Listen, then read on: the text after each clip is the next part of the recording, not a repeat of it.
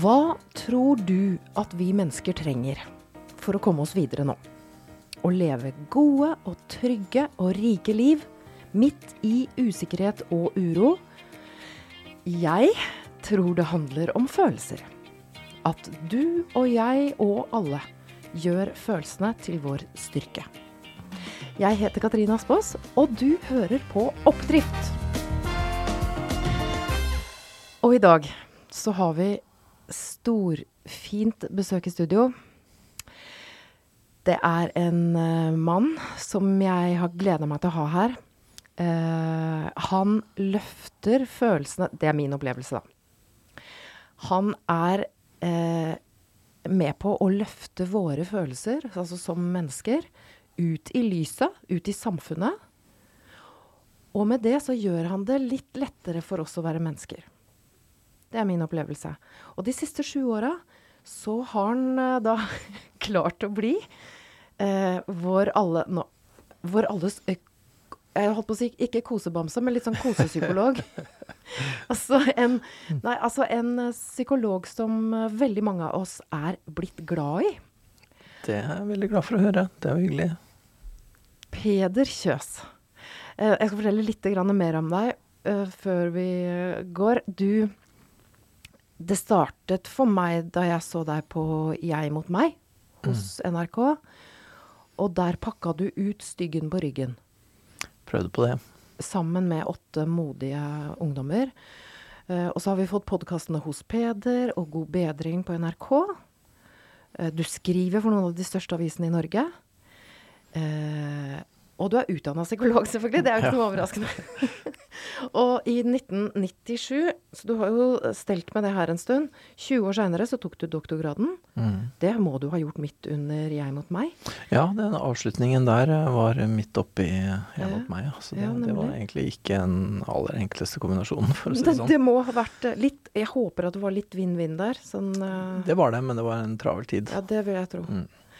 Uh, det virker i det hele tatt som om du har ganske travle tider. Gøye tider.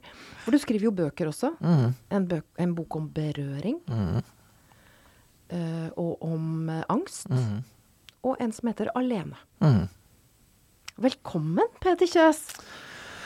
Takk for det. Veldig hyggelig å være her. Kan du fortelle hvor Kan du fortelle din historie, holdt jeg på å si? Du, hvor var det det starta for deg? Eh, hvordan havna du så ettertrykkelig på psykologikjøret?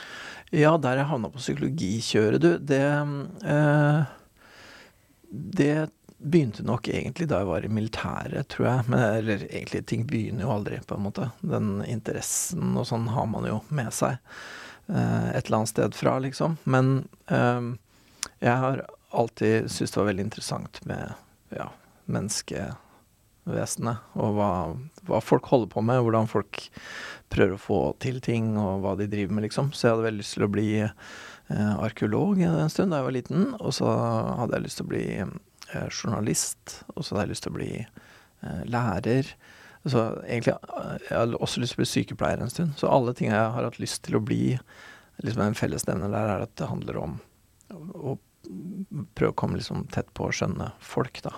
Um, så um, begynte jeg på X-Fill da jeg var i militæret.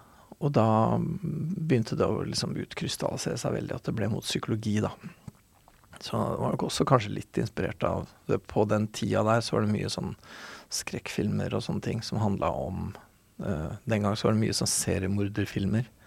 Uh, så liksom uh, hvor noen av de filmene, da, de som ikke bare er splatter, liksom, de handler jo på en måte om hvordan er det et sinn kan gå så i stykker, på en måte. Hvordan er det det er å bli Hvordan blir noen så uh, annerledes, for å kalle det det. Mm. Og det er jo veldig interessant, og mye mer interessant enn bare den derre slasher-tingen som var mye av på 80-tallet. Så, så så det med det, det ødelagte sinnet altså mm. Det startet med nysgjerrighet på mennesker, ja. og også på, på, det som kan bli så veldig ødelagt. Mm. Men så har jeg jo egentlig, egentlig ganske fort da blitt mye mer interessert i kanskje det jeg på et vis alltid har vært interessert i, nemlig det ikke så ødelagte sinnet. Liksom helt vanlige folk sine vanlige Det vanlige ødelagte sinnet? ja, for alle har jo sine ting, ikke sant. Men uh, ja, vanlige hvordan, hvordan, vanlige folk fungerer, på en måte. Mm. Så Ja, hvordan fungerer vi, ja, nei, nå skal du høre. um, det er jo et stort spørsmål, men um, sånn som jeg har prøvd å skrive litt om i bøkene dine, og du snakker om det med følelser og sånn som du er opptatt av. ikke sant? Jeg tenker jo at vi, eh, vi prøver liksom å manøvrere i verden for å få dekka de grunnleggende behovene våre, da, for å begynne sånn helt i bånn. ikke sant? Mm. Og rettesnora eh, for hva vi vil, eh, eller hva vi bør og kan og skal gjøre, er jo veldig mye følelser. ikke sant? Det er følelsene som liksom, Det er jo en del av motivasjonssystemet, da, hvis man vil snakke om det, hvis man vil snakke om oss som en slags evolusjonsprodukter, da, eller dyr, liksom. Så er det jo noe av motivasjonssystemet vårt, noe av det som får oss til å bevege oss rundt i verden og skaffe oss det vi trenger, og komme unna det som skader oss, det er jo følelser, ikke sant. Um, og uh, særlig hos oss enda mer enn hos andre dyr, siden vi er så relasjonelle som vi er, da. Vi er jo helt ekstremt opptatt av hverandre. Det er liksom vår måte å, overleve på. Så derfor så har vi den her veldige følelsen i relasjoner, og derfor så er vi også innmari opptatt av hverandre, da. det må vi nesten være. Vi er veldig opptatt av hverandre. Altså nå fikk jeg en sånn Jeg har liksom bare gjenta den setningen, fordi det kan det kan jo Det at vi er så opptatt av hverandre, det kan jo egentlig uh, trigge litt skam. Altså å være oh, ja. så nysgjerrig og så Jeg husker da jeg jobba i Aftenposten, så hadde vi masse flotte magasiner, og Der Spiegel og Economist og Financial Times, og alt lå i sånne plastpakker bortover. Ingen åpna de pakkene, hadde vi ikke råd til. Eller vi hadde ikke råd, men vi hadde ikke tid. Men to blader var helt i stykker lest i redaksjonen i Aftenposten. Tror jeg klarer å gjette hvilken. Ja, hvilke var. det? Nei, nå vet jo ikke jeg nøyaktig hvilke blader, men jeg vil jo tro at det er de der eh, de bladene. Det var de ett bestemt blad, to mm. eksemplarer av Se og Hør. Ja, nettopp. Ja, Som var og det, Tenkte altså, kanskje det var noen utenlandske siden nei da, Aftenposten, ikke men rett og slett Se og Hør. Ja. Dette er breaking news. Mm. ja, og jeg tenker det er jo en grunn til Vi at er så nysgjerrig. Ja, og det er, veldig, det er jo en grunn til at det bladet rusler og går jevnt og trutt har gjort det i alle år, liksom. Mm. Vi er innmari opptatt av uh, hverandre og oss sjøl i forhold til andre, og vi driver og sammenligner og vi holder på, liksom. Mm. Det, er jo, det, er jo, det vi driver med. Vår menneskets verden er jo en sosial verden. Mm. Jeg er veldig glad for Jeg sitter her med, med en av bøkene dine. Mm -hmm. Angst har du valgt deg. Jeg har valgt meg angst. Mm. Det er der det starter. Det I begynnelsen det. var angsten. Ja, det står egentlig. jo egentlig i starten av den boken her. Det. Men det du skriver da på side 13 allerede, du har jo sagt det, det er følelsene som gir verden mening og mm. verdi. Mm. Tenkningen spiller en mer underordnet rolle. Som en koordinerende og orienterende instans. I beste fall som en skipper på følelsenes hav. ja. Og det er, altså, det er, interessant, fordi vi har jo levd lenge med at tenkningen mm er sjefen. Nettopp. Og det, vi, vi, lever nå i et skifte. Kan ikke du si litt om akkurat det? Ja, ja, ja vi kanskje, kanskje, Jeg er litt usikker på om vi lever i et skifte. Jeg tror ja. vi lever på en måte Ja, det der med følelsens betydning, det bølger litt fram og tilbake. For hvis mm. man tenker for en god stund tilbake, da, romantikken og sånn, så, så var jo det en slags gjeninnsetting av følelser, kanskje. Og det, det der har gått liksom fram og tilbake fornuft versus følelser som den beste rettesnor for livet, da. Ikke sant. Eh, så det er jo et sånn filosofisk standpunkt, egentlig, som jeg velger meg der, da. At jeg tenker eh, at det primære er liksom viljen og driften, ønsket, behov, det vi som er Og det, de tinga er jo emosjonelt. Det, det, er følelsene som plukker ut for oss hva som er viktig, ikke sant. At du liker én ting. Du har preferanser, du liker én ting og ikke en annen. Og fornuften bestemmer jo ikke hva du skal like. Det, fornuften er jo sekundær, du bruker den til å skaffe deg det du liker. Eh, og til å vurdere mulige alternative veier og sånne ting.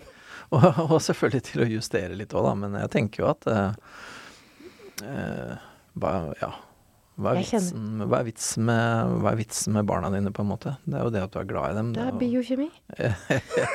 Ja, og noe av biokjemien er jo at du er glad i dem. ikke sant? Og det er jo ikke fordi at liksom Ja, nei, jeg tenkte at det er veldig viktig at arten fortsetter, så jeg har skaffa meg et par stykker, liksom. Det er, det jo ingen, jo ingen tenkt- som tenker sånn. Jeg syns ikke det er noe viktig at arten fortsetter, så jeg har ingen. Nei, men du, du gjør jo andre ting, da, som uh, Og det er litt for deg, liksom. Men da, Mm. da kan vi Ja, og det er sant. Det har jeg tenkt litt på. At uh, den der grunnleggende drivkraften til å få barn, Mm. den er jo der, ikke sant? Hos noen så er den ikke det. Ja, ja. Og da må jeg rekke opp hånden. Det Har vært Mm. masse skam og fortvilelse knytta til det, for jeg har Ja, følt meg så veldig annerledes. Okay. Mm. Eh, men nå har jeg kommet til, falt til ro, med at vet du hva, jeg er så takknemlig for alle de som tar seg av den delen av eh, Mm. vårt menneskelige fellesskap, Mm. og skaffer meg nieser og, så jeg kan være tante. Ja, ja. Og det og tante er jo å bidra, det. Jeg tenker Det er å eh, bidra. Og så er det ideer, da. Ja. Ikke sant? Mm. Du, vi, vi trenger jo mennesker som kommer med alt mulig rart. Absolutt. Og, og alt, alt det der, eh, veldig veldig mye av det vi gjør, peker jo på en måte framover sånn sett, ikke sant? Og er med på liksom den derre uh, generasjonsvekslingen, da, på et eller annet vis. Så nei, jeg tenker, jeg, jeg tenker at det er definitivt ikke sånn at liksom Meninga med livet er å få barn, og hvis du ikke får barn, så er det meningsløst liv. Det, det tenker jeg er en håpløs Det er meningsløst å si. Fordi det er så mange veier til mening, men nesten alle veiene til mening handler om å få noen ting til å fortsette, og det handler oftest også om andre folk enn deg sjøl, ikke sant. Mm. Nesten uansett. Mm. Det er det det gjør. Nå rakk jeg opp hånda, og så har jeg glemt hva jeg skulle si. Sånn kan det gå. Uh, sånn går det veldig fort. Jo, jeg fikk lyst til å protestere litt. Mhm. allerede nå. Med at, uh, at uh, Tilbake i tid, at vi bølger litt fram og tilbake. Og den dikotomien mellom fornuft og følelser. Mm. Fordi jeg ønsker jeg, jeg lengter etter et brudd der. For det, Mm. når jeg leser forskningen på følelser, som jo ikke er så veldig gammel Nei, ja, Vi har sant. fått veldig mye nytt de siste ti årene. Mm. Det er vel sant, ja. Og da er det jo for meg en veldig sånn falsk dikotomi å stille dem opp mot hverandre. Fordi at det, innsikt i følelser er jo den rene, skjære fornuft. Ja da, og det er jo sånn Så- den, den dikotomien er jo, det er jo kunstig, det er klart den er det. Akkurat som dikotomien mellom eh, kropp og sjel, ikke sant. For det fins jo, så vidt jeg vet, ingen kropper uten sjel og ingen sjel uten kropp. Sånn at det, og hva som er i sjelen, er jo sterkt påvirka av kroppen, uh, selvfølgelig. Mm. Som alle som noen gang har um, uh, hatt PMS, eller alle som noen gang har vært fulle, eller alle som noen gang liksom har hatt en eller annen ting som har skjedd med kroppen, da, vet jo at sjelen ikke er ubeveget av det. Nei, den er ikke ubeveget.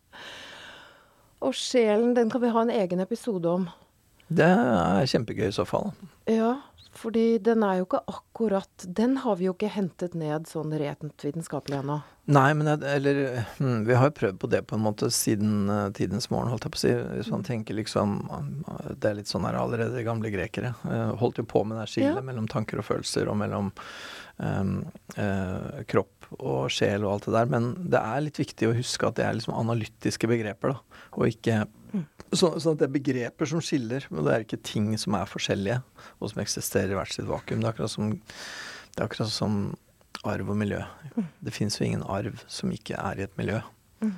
Uh, arv, er det? Hvis den ikke er et miljø, så er det jo ingenting. Og så har vi jo epigenetikken. Masse greier. surrende inn. Ja da. Sånn at alt det der er jo en eneste Og hva er epigenetikk? Kan du si litt om det, for nå Eh, brakte jeg det inn. Ja, vet du hva. Jeg har egentlig aldri liksom satt meg ordentlig inn i det der, jeg. Men det handler på en måte om, så vidt jeg har skjønt, da, at man arver ting. Og så er jo den gamle liksom, genetikken er at genene er det de er, og de forandrer seg ikke. ikke sant? Som eh, eh, følge av erfaringer eller påvirkninger. Men i epigenetikken så mener man at, eh, at hendelser i livet kan forandre eh, genetikk, da. Sånn at de erfaringene du har, eh, gir seg et genetisk utslag i neste generasjon. Det, er, det skrur seg av og på. Ja. Disse forskjellige genene. Ja, Mm. Det er spennende. Vi er, det er Ja, Men jeg snakker så lite jeg kan om det, for jeg har ikke egentlig greie på det. Da skal, du, da skal vi snakke om noe du kan, Så bra. Peder Kjøs. Og det er uh, angst. Mm -hmm. uh, og da kan jeg egentlig bare fortsette med boka di. Hva er angst, Ja, og hva skal sant. vi med det? Mm, ja, hva skal vi med det? Det er jo en følelse, da, og dermed så må vi jo liksom, hvis vi skal tenke evolusjon og sånne ting, som jeg jo er litt opptatt av, så eh, er eh, det jo en del av dette selvreguleringssystemet vårt, da. Det er en del av vår måte å orientere oss i verden. Det er at noen ting vekker glede og lyst, andre ting vekker angst. Og ja, det er jo ofte ting som vi bør passe oss for, da. Og eh, angst er jo på en måte en litt sånn spesialversjon av redsel, ikke sant. Alle dyr som vil overleve, er nødt til å føle redsel for ting som potensielt kan være farlig. Og vi eh, mennesker har da i tillegg angsten, som jo springer ut av at vi har en bevissthet om vår egen eh, eh, Kan du fortelle hva jeg gjør nå? Ja, du, du kapper huet av deg sjøl. Ja, vår egen dødelighet. vår egen dødelighet, ikke sant. Ja. Så angsten er veldig Jeg knytta til misunner hundene mine, de vet ikke det. De vet ikke at de skal dø. Tusser, russer, koser seg rundt. Ja, og en dag så dør de, ikke sant. Mm. Så den eneste som er engstelig for det, er jo deg, antagelig. Ja. Og, så, sånn at angsten er jo på en måte en av følelsene som er definerende for mennesker. da, fordi at vi kan på en måte være redde for ting som ikke er umiddelbare, men vi er redde fordi vi vet noe som er uh, framtidig, eller vi frykter noe. da. Så, Og der kommer bekymringen din kanskje, og ja. Og også angsten er jo på en måte også den er, vi, har, vi har en selvbevissthet, vi vet sånn noenlunde hva vi sjøl kan og tåler, og vår egen utstrekning og sånne ting. Og så ser vi jo verden rundt oss, da, som jo er altfor stor og altfor komplisert. Og så ser vi, som jeg, som jeg tenker er en sånn, det er en sånn grunnerfaring som alle mennesker har, at man føler at man er for liten i møte med en altfor stor, eh, hensynsløs verden. mm. Eh, og den naturlige følelsen der er jo angst, da. Eller egentlig så handler det jo på en måte om Ja, igjen, da. De gamle grekerne de var jo opptatt av eh, dette her med hybris. ikke sant? At det verste som fins, det er å tro at du er guddommelig, og tro at du eh, mestrer ting du ikke kan mestre. Nesten alle disse tragediene og sånn handler om det. Noen som tror de er noe, og så møter de noe som setter dem på plass med et brak. Fugl føniks. Jeg ser for meg den som flyr mot uh, solen og brenner vingene sine og um, Nei, det var den som kom opp av eh, asken. Ja, Nå, nå driver jeg jo ja. Du tenker på rent Ikaros. Ikaros rent Mm. skamløst bare forteller om uh, de gamle grekerne. Mytologien, ja. Fortell. Ja, for uh, Ikaros s- og faren hans Daedalus da de skulle flykte fra den her labyrinten, og så lagde de seg vinger eh, av fjær og eh, voks. Og så eh, advarte eh, faren sønnen du må ikke fly for nær sola, for da smelter voksen, og da, Da da ramler du ned i havet. Mm. Uh, men så ble han sønnen litt revet med, da, så han fløy litt for høyt, og så uh, ble den voksen myk, og så Ja, falt han i havet. var. Og, Men, og liksom veldig veldig mange av disse greske historiene handler om det. da, At du blir satt på plass, liksom. At skjebnen innhenter deg, for du tror du kan overskride skjebnen din, liksom. Tre, og nå, jeg, nå tenker jeg, trenger vi ikke noen hybriser inn med Jeg tenker på Elon Musk, som er en Ja, sånn helt sånn De som beveger verden, da, Mm. i, som setter avtrykk som er store, Absolutt. og løser problemer Mhm. Som egentlig ikke skulle kunne la seg løse. For det er jo dilemmaet vårt da, hele tida. At um, det er jo hele tida så er det en sånn Vi er jo hele tida på en sånn terskel mellom liksom Vi har på en måte en sånn komfortabel, rolig, fredelig verden, men vi kan på en måte ikke bli der for alltid heller, for da kjeder vi oss selv, vi sulter i hjel eller et eller annet sånt, så vi må ut, liksom. Men hvor langt og på hvilken måte og hvor høyt, liksom, det er jo det vi holder på med hele tida, da. Å prøve å finne den terskelverdien. terskelverdien. Livet mellom lyst og frykt. Ja, riktig. Du er på terskelen der hele tida, og så noen ganger så tenker du at du kan gå lenger enn det viser seg at du kunne, da. Og, men der er det forskjell på folk. Noen kan klatre opp på Mount Everest, andre kan ikke det. Og den, en måte å finne ut det på, er å fryse i hjel på Og noen kan bare la være.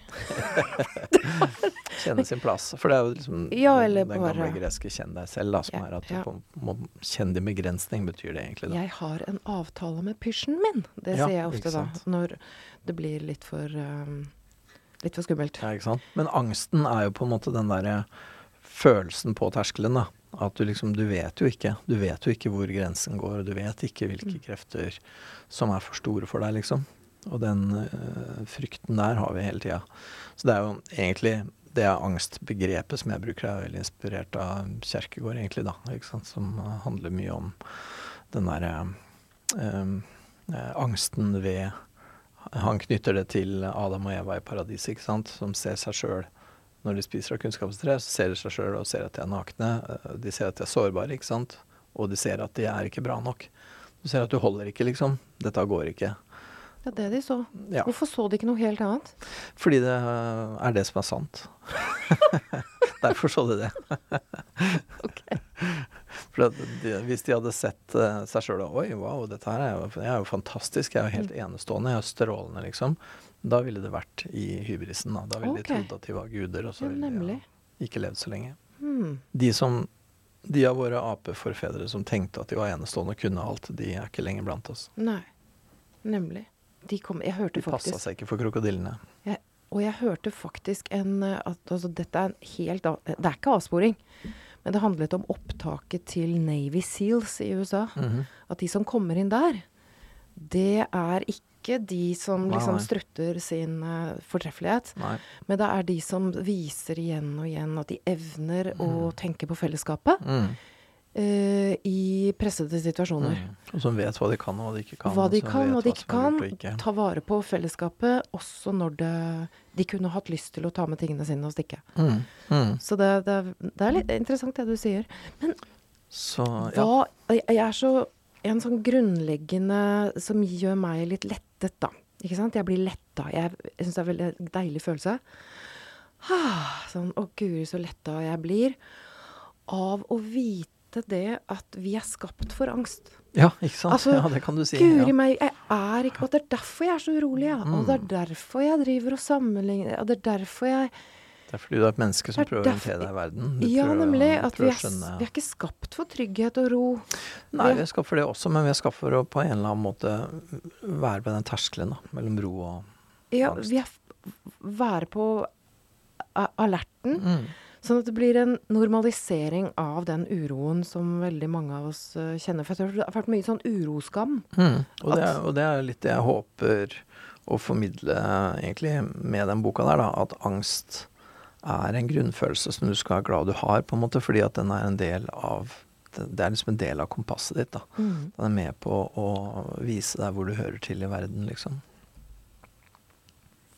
Hva eh, kan vi gjøre når den blir for stor? For at den kan Ja, jo gå den veien òg. Mm. Ja, Og Litt sånn paralyserende. Jeg er så liten at jeg får ikke gjort noen ting. ikke sant. Vi leser masse fælt som skjer, og det er eh, Mm. krig, og det er eh, naturkatastrofer. Og jeg tenker sånn veldig mye på bildet som våre ungdommer og barn møter. Ja, og i tillegg har man jo alle sine egne personlige katastrofer, ikke sant. Alt man har opplevd som gir deg inntrykk av at du er bitte liten, og at verden er ekstremt uvennlig, liksom. Det er jo mange som har den erfaringen. Og det er klart at da tar du jo med deg det. Um, og da kan det jo hende at, at liksom eh, kompasset ditt er litt off, da. At det er litt av kursen, liksom. Og at du, er for, at du er mer engstelig enn det det er grunn til å være, på et vis, ikke sant. Hva gjør vi med det? Ja, hva gjør man med det? Og det er jo For, for nå snakker jeg det i litt sånn på en måte litt sånn luftige filosofiske termer, da. Men når man drar det helt ned i terapirommet, liksom, så handler det jo veldig mye Det handler egentlig om to ting, liksom. Det handler om erkjennelsesprosesser og om eksponering, da. Om, om å prøve. Så det enkleste Jeg er redd, og jeg kan prøve likevel. Ja, og, og du må på en måte teste ut om er du reddere enn det det er grunn til å være, liksom. Mm. Hvis du f.eks. er redd for å ta heis, da, så kan du jo på en måte nærme deg heisen litt forsiktig og se hvor den grensen egentlig burde gå, da, istedenfor der den går nå, liksom. Mm. Eh, så det er jo sånn helt basalt. Og det der gjelder jo alt. Da. Det gjelder jo sosial eksponering, og det gjelder eh, ja, alle mulige ting, egentlig. At, eneste, at måten å bli kvitt eller å, jeg vil ikke si bli kvitt, men måten å få justert angsten sin inn til et eh, litt mer Til et riktigere punkt, da. Det er et arbeid som krever at du liksom må Hva er det arbeidet i praksis? Hva gjør, teste hva gjør vi? prøve, Prøve. gjøre ting. Hvis du er um, Hvis du er uh, uh, redd for å snakke i forsamlinger, da. Hvis, Mm. hvis du går på skolen, og så er du hver gang du skal ha en presentasjon, så uh, ber du om å få unntak fra det og sånn, ikke sant. Det er jo ikke lurt, ikke sant. Det er mye lurere å heller gjøre det, da. Mm. Og heller bare um, ha en veldig kort en, eller ha for en litt mindre gruppe, eller et eller annet sånt. Teste Mm. ut litt. Er det noen grunn til å være så redd som jeg er? Liksom, skal man på en måte da tilrettelegge hele verden etter angsten, eller skal jeg prøve å justere angsten min etter verden? Mm. Så det er jo det som er det basale spørsmålet, da. Ja. Og så opplever vi nå, for jeg er i kontakt med Altså jeg kan jo spørre deg hva er du redd for, men jeg tenker jeg er jo redd for å date, f.eks. Ja. Altså redd for å Fordi jeg kjenner så godt på kroppen den avvisningen og den smerten som ligger i å Altså det er jo kanskje den mest grunnleggende, skumleste, skumleste tingen for veldig mange av oss. Ja, ja, ja. Siden, siden vår uh, Eh, den jeg, kjenner at, av- eh, jeg kjenner det jo sånn, som en sånn klump i, i Ja. brystregionen, bare jeg snakker om det. Ja, ikke sant. Det er forferdelig. Og, jeg holder det- pusten. ja. Og så tenker jeg, og der er det jo også eksponering som skal til, åpenbart. da. Men der er det også den andre tingen, for der kommer det inn også det der med på en måte en erkjennelsesprosess, da. Og prøve å forstå litt mer av sin egen angst, ikke sant. Fordi at eh, når, når det gjelder akkurat sånne ting, for det der er mye mer komplekst. Det med sånn sosial type angst er jo mye mer komplekst, egentlig. Um, og særlig når det kommer til det der veldig intime og nære, og det som handler om det, eh, ja, de aller, aller viktigste relasjonene, da. Så en del kan man eksponere der òg, selvfølgelig, men mye så, så handler det om å på en måte prøve å, å finne ut litt mer av hva det er som er grunnen da, til at man er så redd. Hva har det med å gjøre? Og der kommer du inn igjen hele historikken, hva du har opplevd før, hva slags Mm. syn du har på deg sjøl, hva slags syn du har på andre. Eh, alt det der kommer inn der. Og det er ganske store og viktige spørsmål og vel verdt å bruke mye tid på, tenker jeg da. Det er det. Og så kjenner jeg jo litt sånn lettelse nå over å tenke ja, det er jo eksponering som skal kanskje til der også. En Ja. justering av og så, og så tenker jeg, så holder jeg meg litt sånn på hjertet, for jeg tenker på alle disse unge mennene for Mm. tiden som aldri Som opplever så mye avvisning Mm. at også jeg virkelig kan kjenne Mm. eh, kjenne igjen den skrekken og frykten. Og det å fortelle dem at ja, da er bare å, å utsette seg for litt sånn eksponering. er? Nei, det er jo Nei. veldig mye mer skummelt enn det. Ja, og da kommer vi jo liksom til den litt mer sånn litt dypere psykologien da, enn bare den uh, som handler om på en måte eksponering og, og sånn. Uh, for den litt mer uh, Den angsten som stikker en del dypere, da, handler jo også ofte om ting som er ubevisst, ikke sant. Og det er derfor det på en måte er også en erkjennelsesprosess, da. Fordi at hva er det du egentlig holder på med? For angsten Angst er jo veldig ofte da, og da beveger vi oss fra liksom Kjerkegård over til Freud, da. Ikke sant? At angsten er på en måte Dette er Freud-fri sone. Her er det bare lov med Jung. Ja, ikke sant. Ja, men det er litt samme greia, på en måte, da. Fordi, ja, på, den, på det basale planet at det det handler om, er på en måte at ubevisste ting eh, truer med å bli bevisst, og så flykter man fra Eller det er det man frykter, da, er på en måte at det ubevisste skal bli bevisst, for man på en eller annen måte frykter at man ikke skal tåle sannheten om seg sjøl på et vis, ikke sant. Mm. At hva er det dette her egentlig handler om? Og det er, derfor er jo liksom det med psykoanalyse her å prøve å finne ut hva det egentlig handler om, og finne ut det på en måte sånn, sånn at du Mm. kan liksom erfare hele deg sjøl uten å daue av skrekk, da. Ikke sant? Ja. Det tar jeg med meg. Ja, tar med meg sannheten om meg selv. Og så er det en annen ting Kan jeg foreslå en ting til? Mm. Som som er noe som oppstår nå, og jeg er interessert i å høre hva du tenker om det. Og det er det, den praksisen som heter self-compassion. Ja. Altså egenstøtte, egenkjærlighet. At Mm. åh, det er ikke noe rart. Det er jo hele tiden Mm, mm. Og det var en annen psykolog som beskrev det for meg sånn at jeg virkelig skjønte det. Det handler, Katrine, det handler jo bare om å bli din indre terapihund. Terapihund, Altså, faktisk. Det handler om å bli en sånn eh, myk, støttende stemme Mm. eh, som faktisk så forteller at det er ikke noe rart at det er skummelt å gå ut og Mm. Vise hjertet ditt til et annet menneske og håpe, satse på at det ikke skal Mm. bli eh, knust eller Mm. ødelagt, som Det det, er ikke rart i det hele tatt. Det er ikke rart i det hele tatt. Over hele verden er det folk som er i samme situasjon nå. Mm. Og så er det sånn det tredje Hva trenger Hva trenger du, da? Mm. Når du skal ut og støtte deg selv, hvis Mm. du drar på den daten, Mm. hva trenger du i sånn beredskap, eller hvordan trenger du å være mot deg sjøl? Ja, ikke sant. Og der tror jeg en, en sånn veldig viktig ting der er at det der handler veldig mye om å akseptere Man på en måte forstår og aksepterer og tilgir på en måte seg sjøl, da. At man er som man er, liksom. Det det ikke handler om, men som det ofte blir i eh, sånn vulgær variant, er at man skal elske seg sjøl. At man skal synes at man sjøl er helt fantastisk. Man skal synes at man er helt enestående. Det er vanskelig, det. Det er vanskelig, og grunnen til at det er vanskelig, er at det ikke ikke. er sant. Det er jo ikke sant. Nei. Så, så hvis Men du på en måte virkelig skal være, være glad i deg sjøl på ordentlig, Mm. så må du være glad i deg sjøl som du er, ikke være glad i deg sjøl Idealisert. Ja, sånn være glad i Facebook-profilen din, på en måte. Det er jo ikke det du skal være. Jeg har hørt også det sagt Det, det, det, det, det er veldig sånn det du snakker om tilgivelse. Nå er det et Mm. frempek, fordi Mm. at uh, dette er første episode av to episoder som, ja. jeg, uh, som vi lager. Uh, og den andre kommer til å handle en del om tilgivelse. Ja, nettopp. Håper jeg. Passer bra. Jeg driver jo også og lager eh, en podkast sjøl om dagen, som også handler om tilgivelse og forsoning og sånn. Så Den handler om eh, tilgivelse og forsoning. mm. For nå var du jo innom og OK, jeg kan akseptere eller tilgi de rare valgene, og det er ikke noe rart at jeg Mm. har liksom skygga banen, eller Mm. Og så ønsker jeg da å utvikle utvikle meg, ikke sant? Mm. Og det er vanskelig som bare det. Og det er, Mm. For det er lett å si at man skal på en måte tilgi seg sjøl, man skal akseptere seg sjøl som man er, og alt det der, men Mm. det er ikke så lett. For det, det er jo en grunn til at du ikke gjør det, da. Og når du ikke gjør det, så er det jo fordi at du på en måte ikke nødvendigvis liker det du ser, liksom, og at det er ikke alt der som er så ålreit, liksom. Og så har vi ikke vært innom traumer. Nei, nei, ikke sant, som jo på en måte er sånne eh, Som mange av oss har, ikke sant? Mm. På en eller annen slags form. Ja. Som fester seg i myelina, har jeg hørt. Ja, det kan godt være. Ja. ja. Altså fettlagene, Mm. at det lager sånne lyn... øh, E18-greier Ja. i Ja, sånn, ja. hjernen. Mm. At du får Mm. sånn der vanvittige ledere, for her er det fare. ja, ja, så klart. Dette er en farefull Mm. situasjon. For den eneste måten å overleve på er jo å, å em, reagere veldig fort og kontant på ting som etter erfaring er farlig. Ikke sant? Ting som er hyggelig og bra, det er ikke så farlig om du overser det, men hvis du overser noe som kan drepe deg, da, så er det litt dumt. Og derfor så lager hjernen ganske riktig sånne ekspressveier for eh, Ekspressveier vonde- var jeg var ute etter. For sånne vonde erfaringer, da.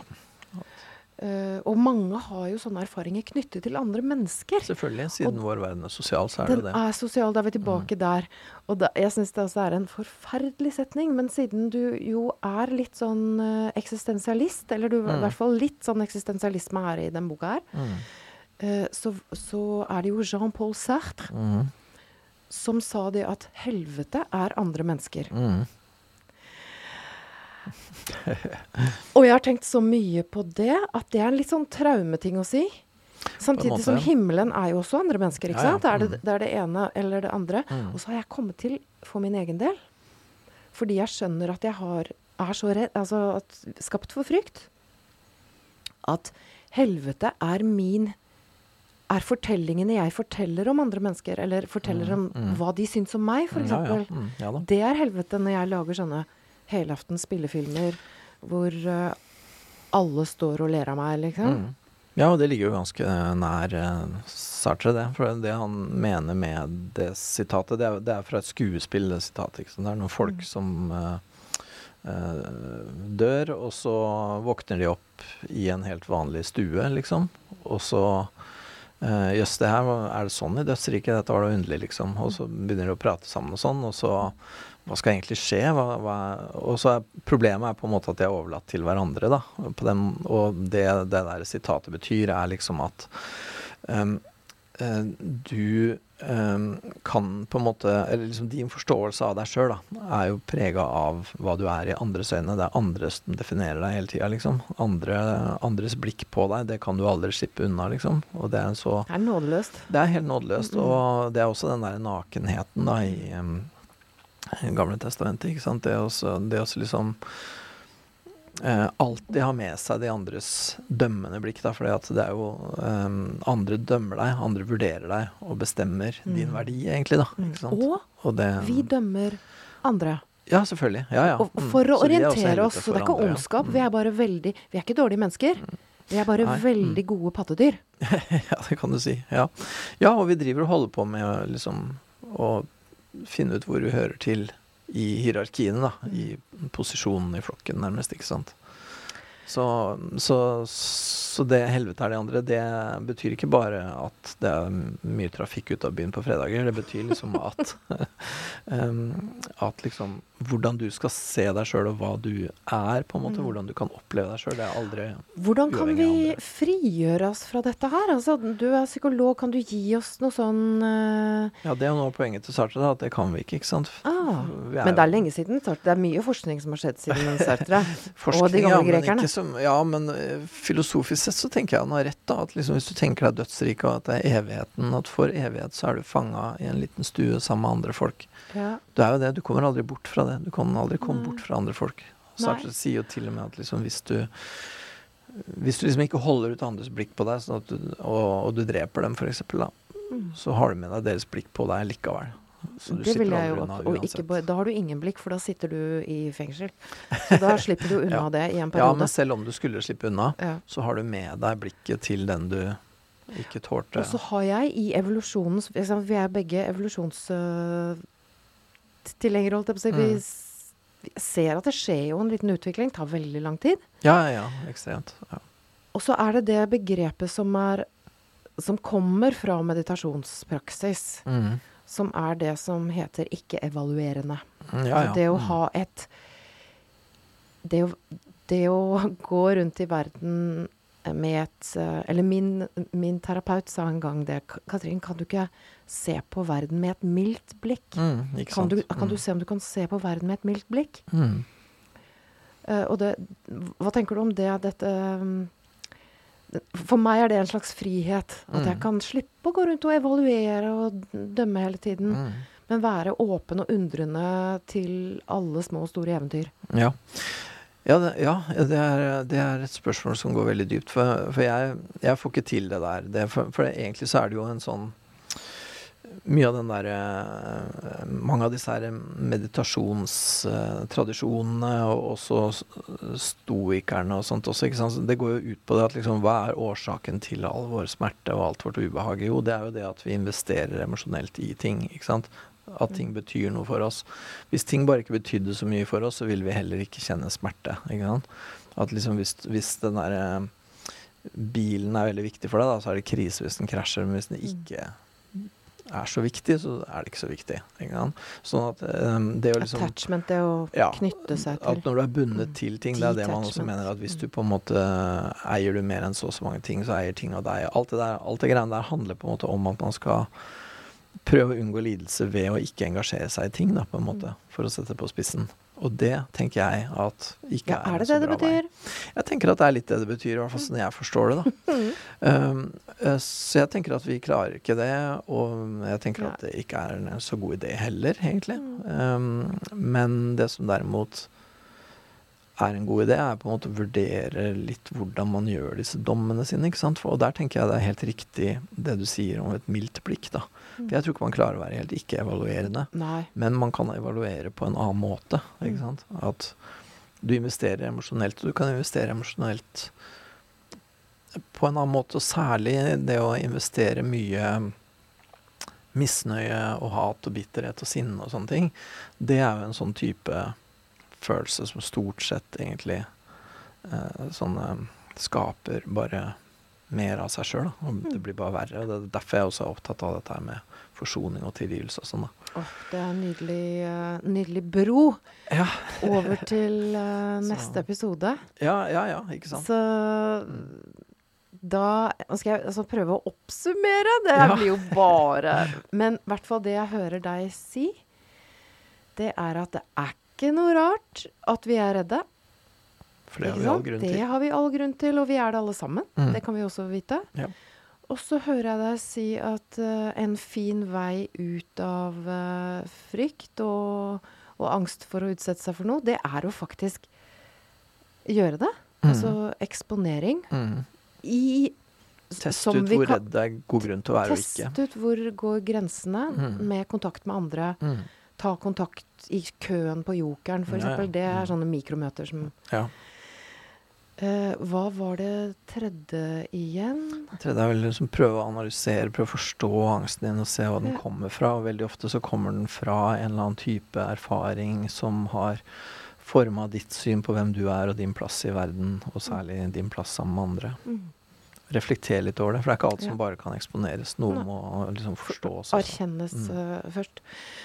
Tusen takk, uh, Peder, for at du er her. Og takk for deg som bruker din dyrebare tid rundt vårt leirbål øh, og pakker ut følelser. Som vanlig så fortsetter samtalen på Facebook øh, i den, en lukket gruppe. Der kan du bli med hvis du søker fram til emosjonell styrketrening. Og så gleder jeg meg til eh, neste episode med Peder, som kommer om eh, 14 dager. Vi høres.